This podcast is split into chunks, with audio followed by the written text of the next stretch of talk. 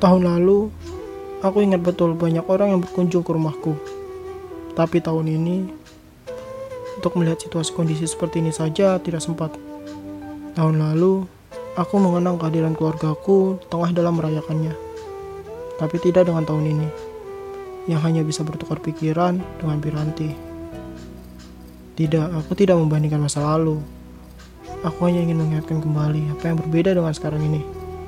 Dan kamu tahu apa itu? Memang, tahun lalu kita bebas bersalaman dengan orang yang berkunjung.